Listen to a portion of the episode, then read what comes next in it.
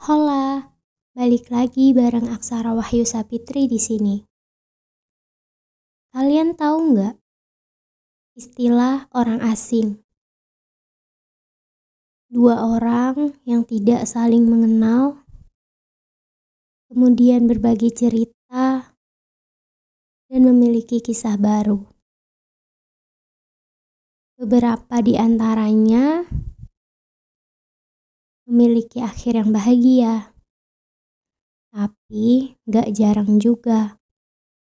Beberapa yang lain berakhir kembali menjadi terasing satu sama lain. Malam ini,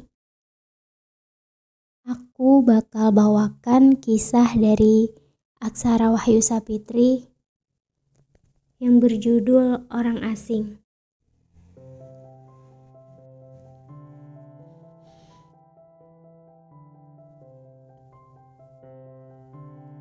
2 Juli 2021 Orang asing. Rasanya baru kemarin kita saling tanya nama Lalu tertawa bersama. Mengukir satu demi satu cerita dalam rutinitas Dan menjadi terbiasa berbagi suka duka. Seiring waktu berjalan, habis sudah kesempurnaan kita. Yang tersisa hanya jeleknya saja. Ego kita sebagai manusia tak terima, seperti orang yang kita kenal dekat sudah dirampas oleh orang asing dengan paras yang sama. Lalu muncul kekecewaan demi kekecewaan, keluhan demi keluhan. Bahagia pun sudah pergi, entah ke mana. Tawa jadi jarang mampir, sebab segan pada pertengkaran perkara sepele. Belum lagi waktu-waktu yang membuat jarak dengan alibi sibuk, mengantuk, sinyal buruk, dan majas-majas lain yang artinya sebenarnya sama saja. Aku nggak kenal kamu. Kamu bukan lagi prioritasku. Aku butuh cerita baru. Begitulah kiranya.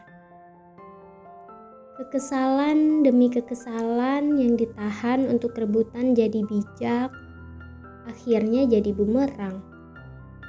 Hal-hal baik pun hilang dari pandangan yang berkabut amarah, lalu berubah benci yang menjadi jadi. Yang muncul kemudian hanyalah tanda tanya besar. Kita ini siapa? Iblis datang untuk berbisik-bisik, bilang, "Kamu paling sempurna." Kita lalu tergoda untuk jadi pemeran antagonis dalam kisah yang kita tulis dengan harapan akhir bahagia.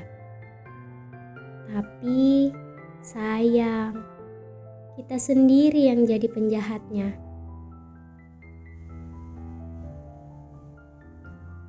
Well, pada akhirnya semua akan menjadi asing di dalam waktu.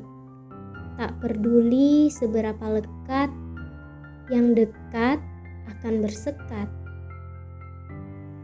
Pada akhirnya, tidak ada kata-kata lebih baik daripada menyapa hanya untuk memperjelas keterasingan kita. Jangan terlalu ambil hati. Dari awal, kita memang bukan siapa-siapa dan berakhir untuk tidak menjadi siapa-siapa. Singkatnya, beberapa pertemuan tidak selalu kita menangkan dengan hadiah kenangan. Sebab beberapa kenangan harus dipulangkan pada takdir yang arogan. Sayang sekali, bukan?